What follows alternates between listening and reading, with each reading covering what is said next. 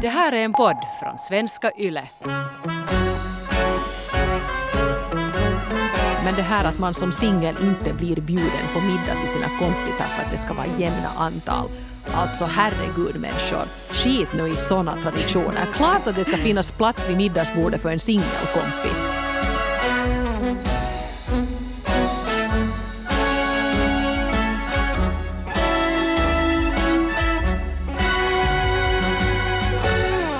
Du Hanna, vi fick ju ett brev här om veckan.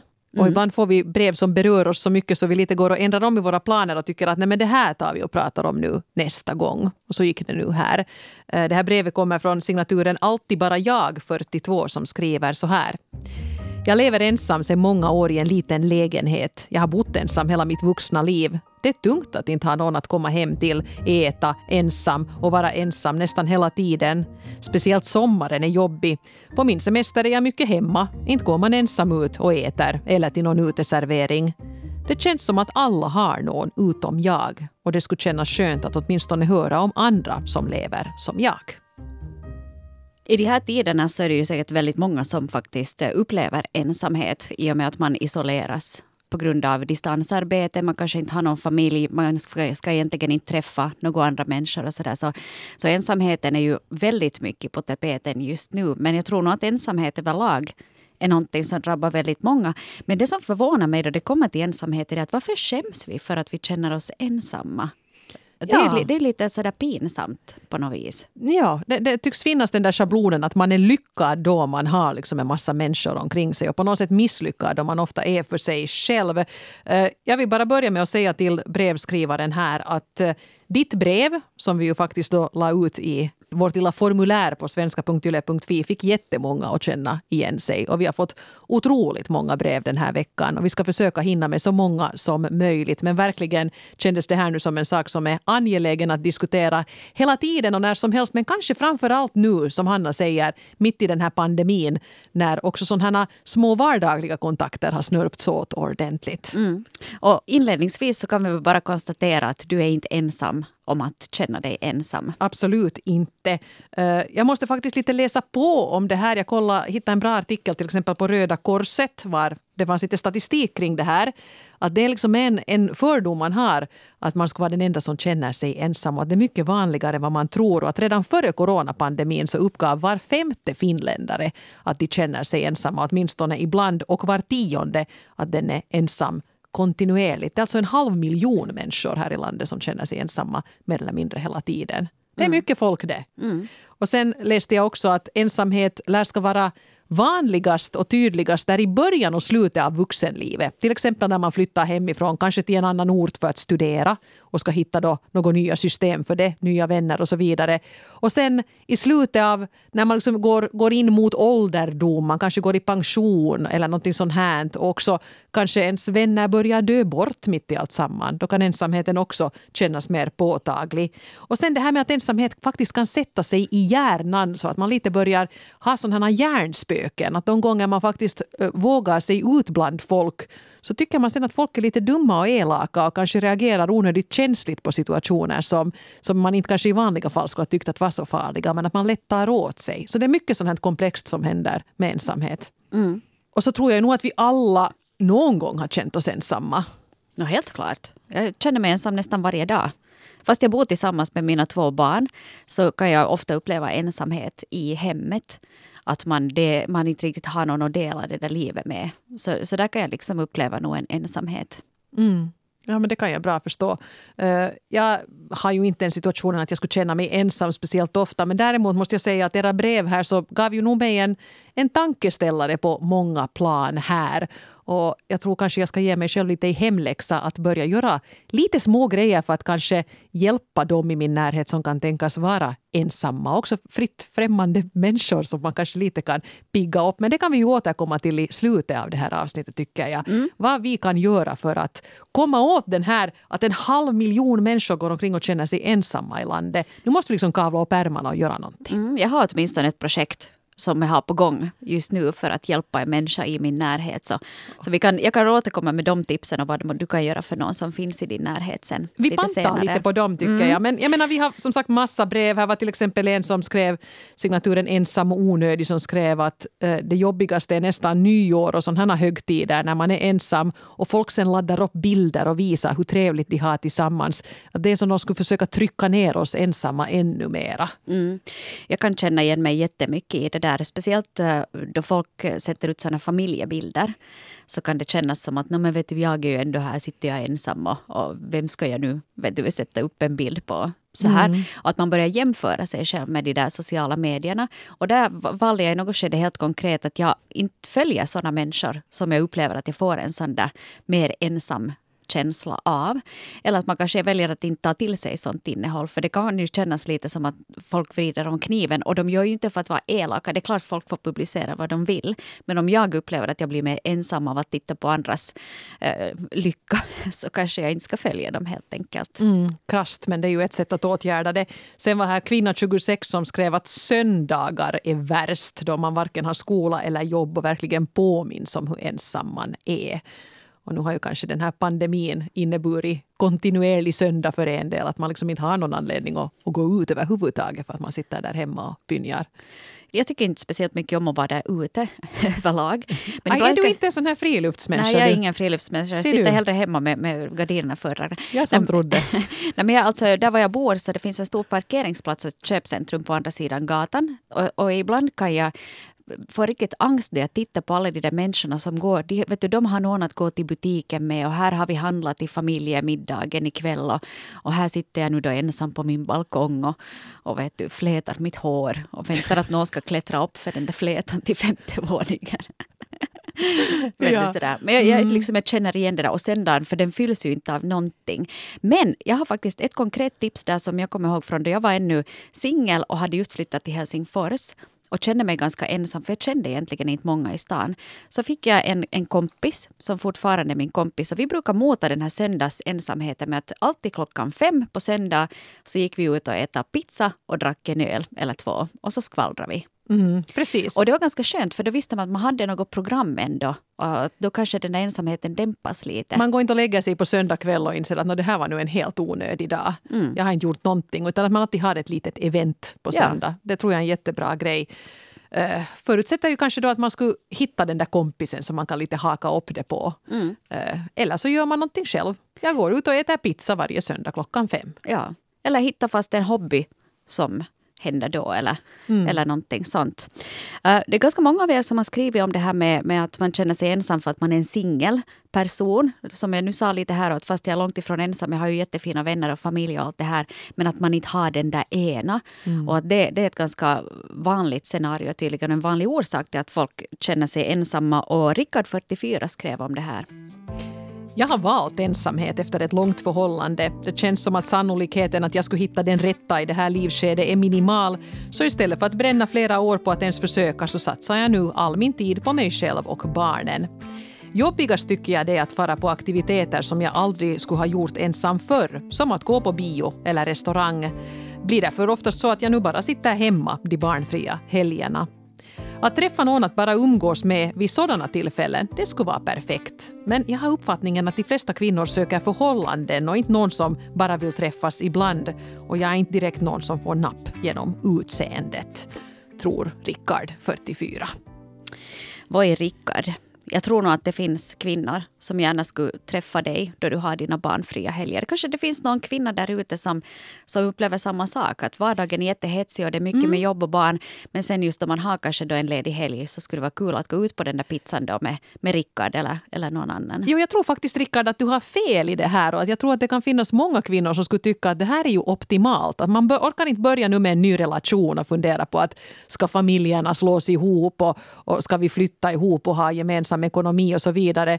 Men jag skulle kunna tycka att hej, det är lördag och nu ska jag gå ut och äta med Rickard. Mm. Liksom, Och så får man klä upp sig lite och locka håret. Och, och väldigt på något sätt väldigt kravlöst och så här. Att, att bara för att det liksom är trevligt. Ja. Så jag hoppas verkligen att ge inte upp på den här punkten. För jag tror att du egentligen erbjuder ett ganska vinnande koncept om det här är det du skulle vilja ha av en ny sån här partner. Så att inte liksom vara hela familjeslurven utan en sån här relation. Mm. Jag tror också att det kan vara bra att man är ganska tydlig med vad man söker i till exempel datingappar. Att om du är där, att om du säger att hej, att jag är en väldigt barn och familjeorienterad man men jag söker liksom sällskap för mina barnfria helger. Att kanske du är den.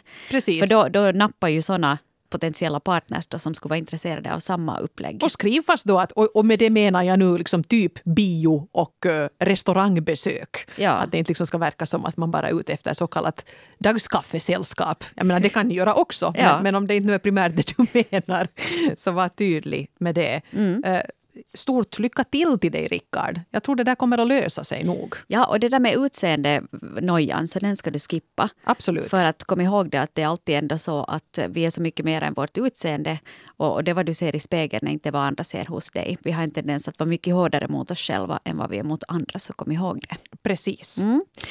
Det här tyckte jag var en intressant aspekt som tvåbarnsmamman 30 skrev till oss om. Hon är inte själv egentligen den som är ensam, men hon har en ensam, hon har en ensam person i sin närhet. Jag är inte ensam, men min mamma är ensam. Hon vantrivs som singel och säger ofta att hon känner sig ensam. Vi försöker bjuda in henne till oss. Vi har två barn, men hon är inte heller ivrig på att komma på besök. Jag bjuder också med henne på utflykter, bastukvällar och försöker finnas där för henne, men jag möts bara av en martyr. Ibland känns det som om ensamheten också är ett val, en slags självömkan. Kan man hjälpa de ensamma som inte vill ha sällskap men som ändå säger att de inte vill vara ensamma?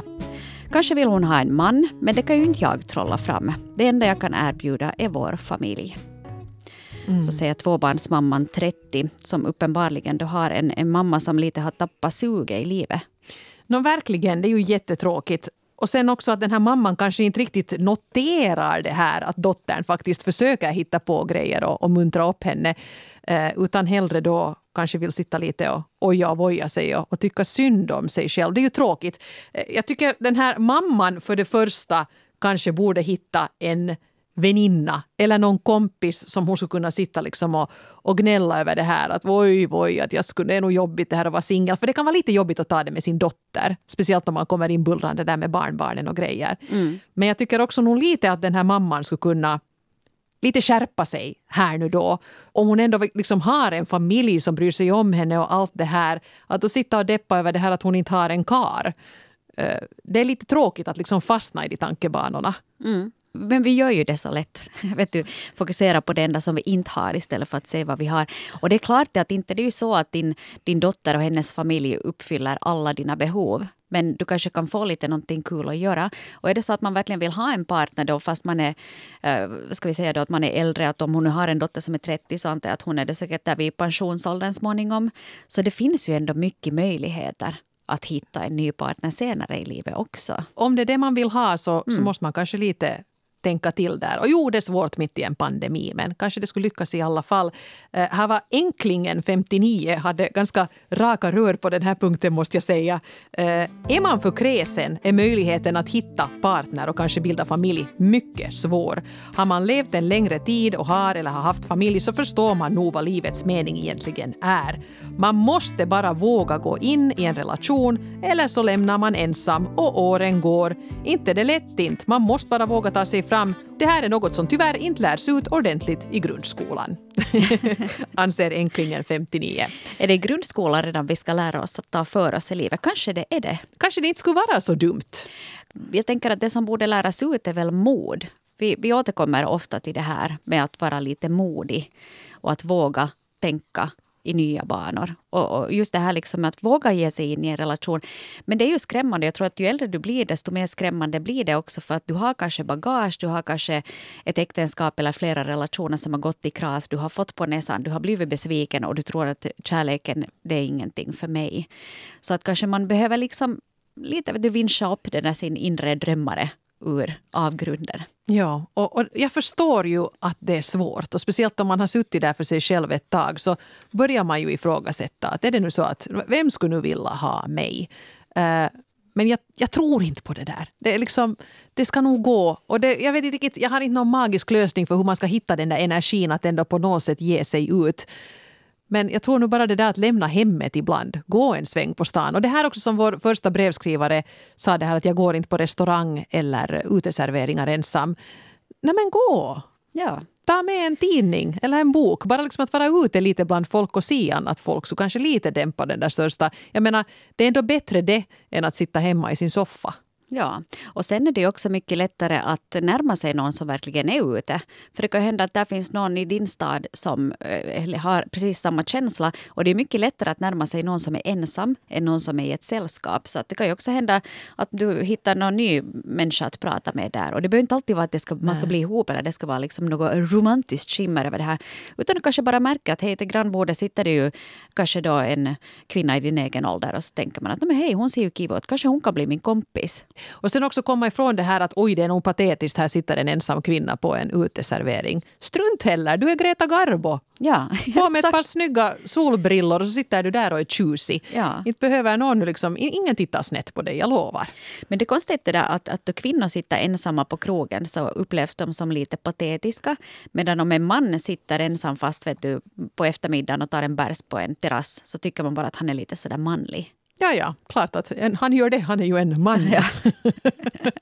Sen kan man också dricka rödvin och ha någon riktigt vet du, krig och fred eller någonting liggande på bordet så att alla förstår att man är mycket intelligent. Ja, eller 50 shades of grey ifall man vill signalera något sånt. No, jag tror att jag inte skulle sätta mig bredvid honom som sitter och läser den. Nej. Det är nu bara jag det. Men i alla fall det är så lätt att säga, men jag skulle önska att ni skulle hitta ändå det där modet att bara liksom ge er ut, lite gå omkring, lite liksom se folk.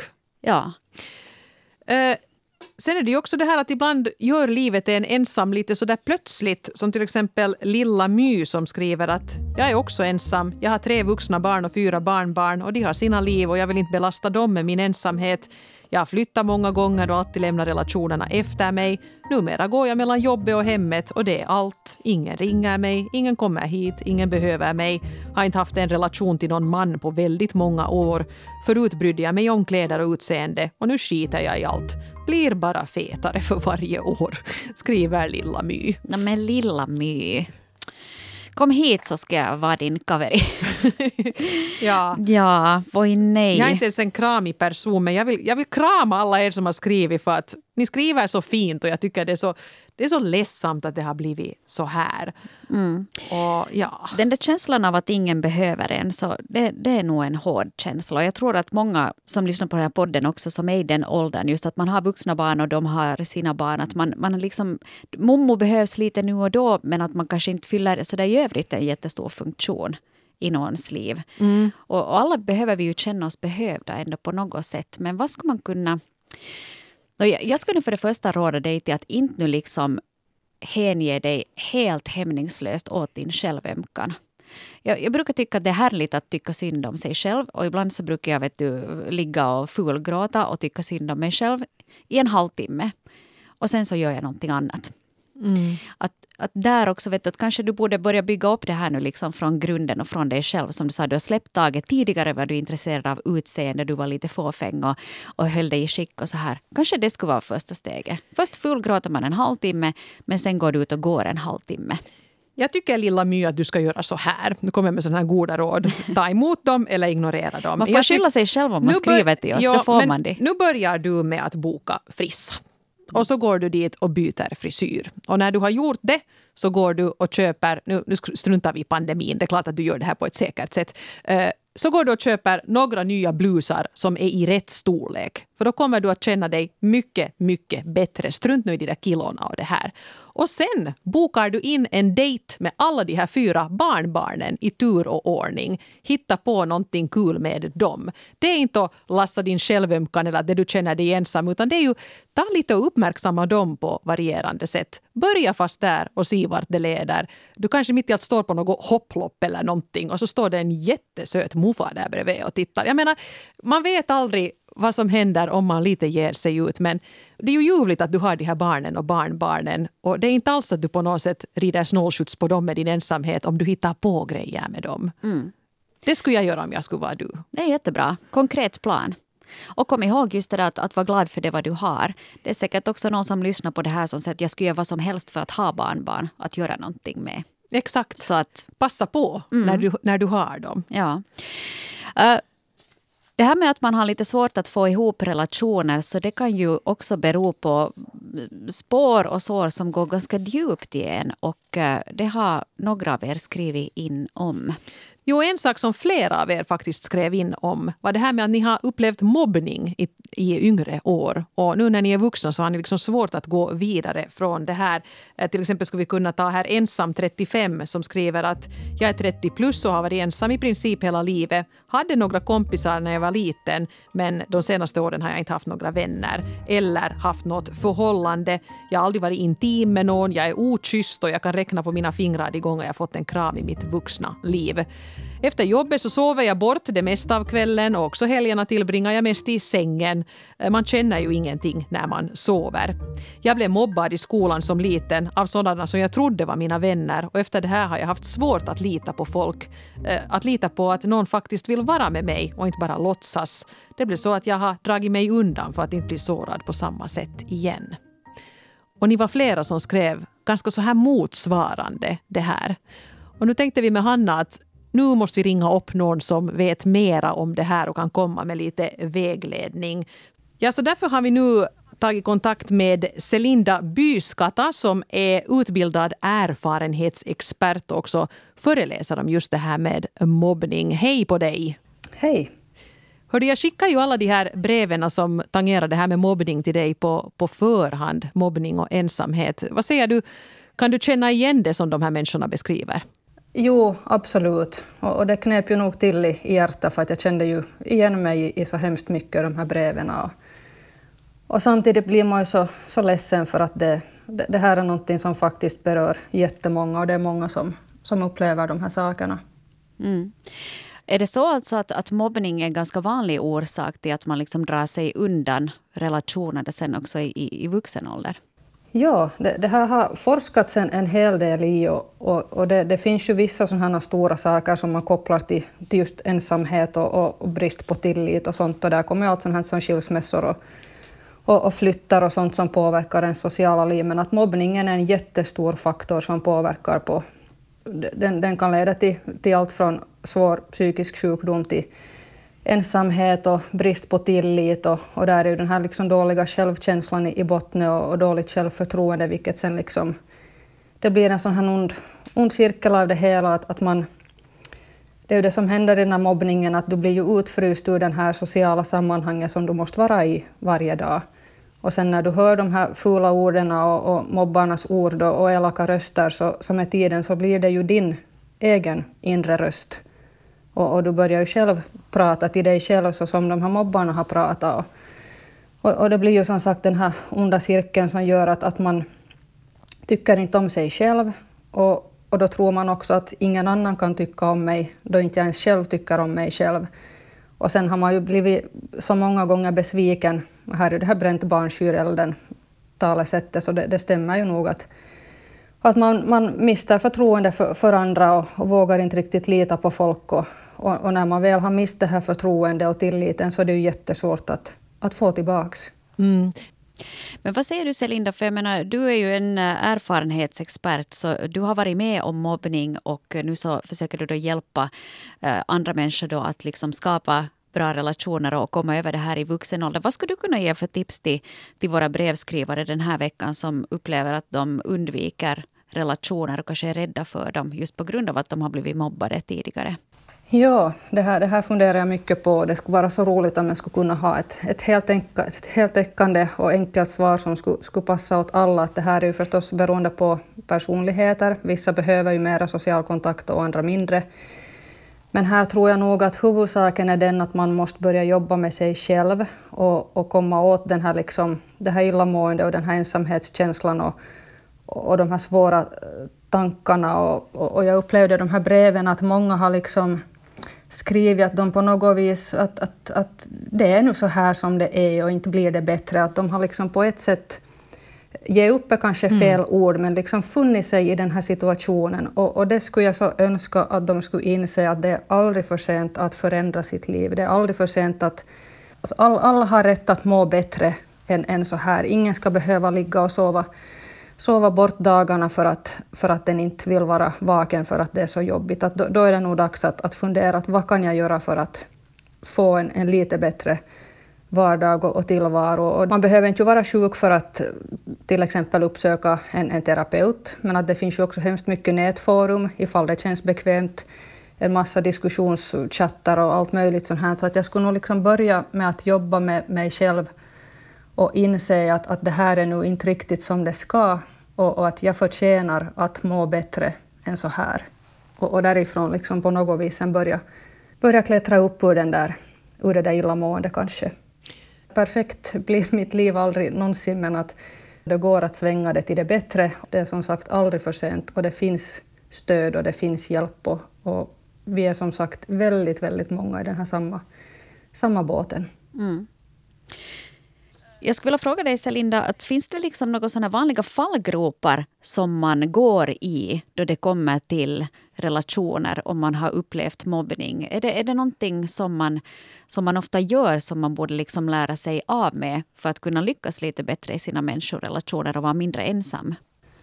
Oj, det var en En svår fråga. Det, det, är ju förstås också här igen väldigt personligt, men, men jag tror att, att en gemensam faktor är, är nog det här att man dels undviker man att skapa de här kontakterna, men sen blir man också ibland lite, jag vet inte vad man ska kalla det, men på ett sätt kanske till och med självdestruktiv i sina förhållanden. Att om man har en jättedålig självkänsla så går man hela tiden och väntar på en katastrof kanske, att inte kan den här människan tycka om mig på riktigt och snart händer det nog och, och den här kompisen far nog snart eller lämnar mig eller den här partnern lämnar mig eller så vidare. Och sen kan man till och med börja sabotera för sig själv och, och vara liksom taggarna utåt och bete sig på ett sånt sätt att man liksom knuffar bort de som finns där nära man kanske lite sådär vet du, målar fan på väggen och att man lite kanske misstolkar vad andra säger. Det här just som du Selinda, sa, att vet du, någon kanske säger någonting helt välvilligt men på något vis att de här mobbarnas röster eh, filtrerar det till att det ändå blir till någonting negativt om en själv. Att det här är någonting som man kanske borde fokusera lite på. Exakt, jo, det här är ett, ett, ett jättevanligt typexempel. Jo, och just att, att till och med helt eh, neutrala kommentarer eller ord så kan man i sitt huvud svänga till något väldigt negativt. Att redan en sån sak att partnern säger att har du, har du fört roskisen? Så tolkar jag inte som en genuin fråga, utan jag tolkar det som att har du igen inte fört ut roskisen? Just det. Och då är jag ju direkt liksom mm. med taggarna utåt och blir, mm. blir defensiv och, och, och, då blir det liksom bara fel. Att, att det här är också de här tankesätten som är svåra att ändra på, men det går. Men, men det är just att man borde känna igen när, när det händer för annars kan man ju inte göra någonting åt det heller. Men på något vis inse att alla vill inte en illa, mm. utan det finns faktiskt människor som vill en, en väl mm. och, och, kunna liksom ta det. Och att man ska låta dem liksom vara snälla mot en och, och älska en helt helhjärtat istället för att då skjuta ner det. Mm. Exakt. Jo. Tusen tack till dig, Celinda Byskata, för att vi fick ringa upp dig. Och jag hoppas och framförallt tror att, att dina ord här gav en rejäl del tröst till de som hade skrivit till oss. Mm. Uh, Hanna, jag skulle vilja att vi hinner med ett brev här ännu uh, från signaturen Alone but not lonely 39 som skriver så här. Jag har några vänner som jag träffar ibland men ändå skulle jag nog klassa mig som en ensam person. Visst drömmer jag ibland om en livslång partner eller vänner att skratta med runt ett middagsbord men jag har också kunnat sluta fred med tanken på att det kanske aldrig blir så utan att jag nu för den sakens skull skulle ha kastat in handduken. Jag har jobbat med mig själv och bestämt mig för att inte göra ensamheten till min identitet. För jag är ju så väldigt mycket annat också har också jobbat väldigt mycket med mig själv så att jag kan kommunicera bättre vem jag är när jag möter andra människor.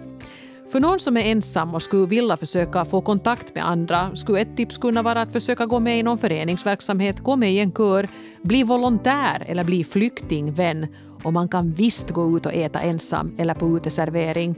Det kanske ligger utanför den egna bekvämlighetszonen, men det är ju där livet börjar, som någon klok sa. Supersmart. Ja. Och det här tycker jag att är fint för att, att du kan liksom acceptera läget som det är men ändå liksom se, välja att se det på ett positivare sätt. Och att, som, som hen skrev här, jag är ju så mycket mer än den där ensamheten. Att inte låsa sig vid det här att jag är en ensam person. Punkt. Tycker jag var, var fint och ett uppmuntrande brev. Men Hanna, vi lovar ju lite återkomma till det här eh, med vad vi kan göra för de som känner sig ensamma i vår närhet. Har du något? Du hade ett projekt sa du. Ja, jag, jag har ett projekt Min, min, min granne Lare som är 78. Han bor i våningen ovanför mig. Vi brukar träffas lite nu och då då vi nu råkar springa på varandra i trappan. Och nu här under våren sen så, så har vi börjat prata mera och sen så har vi börjat gå runt huset. Och, så vi har börjat gå på såna promenader på kvällarna. Mm. Och så han berättar lite om sin båt som han håller på med. Och, och vi nu pratar lite bara om dittan och dattan. Och jag tycker att det här är ganska, ett ganska fint sätt hur man kan hjälpa någon som annars sitter väldigt mycket ensam hela dagarna. Att det kan vara så där, som ikväll så vet jag att nej, vi ska gå ut och gå klockan sju. Och så går vi då vet du, en liten sväng där var vi bor. Mm. Och sen så går vi hem. Och så vill han alltid ha en kram. Han säger så att ja, min, min exfru att hon förstod sig på det här. Hon kramade alla hon träffades. Men nu för tiden får man inte krama någon mer. Och nu, han sa att nu då han är vaccinerad så vill han kramas. det förstår och, och det tycker jag liksom att, att det här är något som vi alla kan bjussa på. Ja. Eller att du stannar upp och pratar med, med tanten i trappan. Eller, eller att du gör någonting annat. Eller fast äh, säger några vänliga ord till den som du råkar möta på jobbet. För det kan faktiskt ibland vara mm. avgörande den här lilla insatsen som du gör. Och jag tänker så här att om jag kan göra då den här grannfarbrorns liv lite bättre genom att ge det 20 minuter av min tid, vet du, varannan var tredje dag, så tycker jag att det är en ganska liten insats för att göra någons liv ändå, ja. vet du, ge det lite mer innehåll. Kanske Larre sitter och skryter till sina kompisar att jag har en sån här tvåbarnsmamma där, så jag går ja. nu lite ut och rastar henne på kvällarna ja. så att hon ska ha något kiva. Få ja. en kram av en gentleman ibland. Ja, ja, ja. Han, brukar, han brukar säga det där att om han skulle vara 30 år yngre så skulle han nog hugga direkt. Jaha, no, ja. okej. Okay. Mm. Men, men samtidigt så sa han också att Danny och Erika att de hade ännu större åldersskillnad än vad vi har. Så att jag vet inte, kanske det blir, kanske det blir Larre och jag Kanske det var. Larre all along. det, det, vi, ska, vi ska se bara. Där har han funnits på sjätte våningen. Ja, men jag, jag tar och hakar på det där du sa för att uh, jag, jag, tycker att man kan lite anstränga sig. Med ganska små medel så tror jag att man kan göra vardagen lite roligare för andra människor. Och jag menar det är mycket sånt här och nu är jag inte heller på jobb just nu, men, men sånt här som att alltid se till att man bjuder med den där tystlåtna kollegan på lunch om hela redaktionen till exempel bullrar iväg. Att ska vi gå, ska vi gå och äta chicken Kiev? Att man ser till att faktiskt alla känner sig välkomna med mm. och inte glömmer bort den där som inte gör så mycket väsen av sig. Ja, eller den där nya. Den nya, precis. Att ta med mm. praktikanten också och fråga praktikanten att hur går det nu? Och sen, det här skrev många om, eh, det hann vi inte tala om nu, men det här att man som singel inte blir bjuden på middag till sina kompisar för att det ska vara jämna antal. Alltså herregud människor, skit nu i såna traditioner. Klart att det ska finnas plats vid middagsbordet för en singelkompis. Mm. Är nu liksom symmetrin så svår att det liksom allt, allt blir tokigt om ni sitter flera på ena sidan om bordet? Glöm bort sånt och bjud med singelkompisen ja, alla man gånger. Inte, att man inte, pratar ni ändå bara om såna så kallade parsaker? Nej usch, en sån middag skulle jag inte ens vilja gå på. Om inte sen är att den där singelkompisen är helt sjukligt sexig, då kan jag förstå att man inte bjuder in den. För man tänker att vad om, vad om den här sexiga singeln far iväg med min man eller med min fru? No, då måste jag vara extra sexig när jag bjuder in singelkompisen. så att jag ändå liksom, Klänningarna blir bara kortare och kortare. Snart är din kjol är som ett bredare bälte som man vet, du hasar ner på, som du hasar ner på höften. Det kommer bli en grotesk tillställning det här, men i alla fall. Som du sitter man till bords. Ja, glöm inte bort, jag menar hon kan känna sig ensam fast hon är så jävla sexig. Ja. ja man vet aldrig det där. Och sen sånt här smått som att stiger du in i en hiss med en främling måste ju inte stirra ner i din telefon så där som, som jag alltid gör, utan man kan ju fast titta i ögonen och le lite vänligt där bakom sitt munskydd och säga någonting lite kökigt fast om vädret. Det behöver liksom inte vara något fantastiskt, men någonting kan man ju säga. Jag är expert på att prata ihjäl folk i hissen. Alltså jag pratar med alla det. Jag har blomkålsöron varje gång.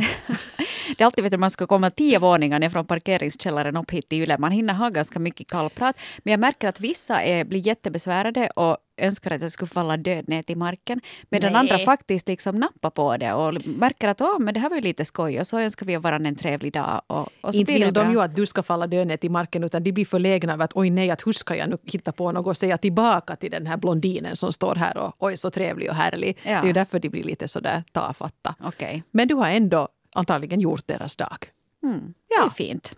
Så alla kan vi göra det här. Så att om vi alla nu försöker göra en liten punktinsats i våra egna liv så kommer vi det här sprida sig som ringar på vattnet över hela Svenskfinland och förhoppningsvis ut i världen. Och sen så kanske vi alla är lite mindre ensamma om vi försöker vara lite mer tillsammans. Jag hoppas det. Och jag vill ännu säga en sak. Ni var jättemånga som skrev. Vi hann inte läsa upp alla brev. Vi kommer inte att kunna publicera alla. Men jag och Hanna, vi läste varenda ett ord och jag vill tacka så mycket för att ni skrev om det här. För jag tror inte att för en del av er tror jag inte att det var lätt att pränta ner de här raderna till oss. Men jag uppskattar jättemycket att ni gjorde det.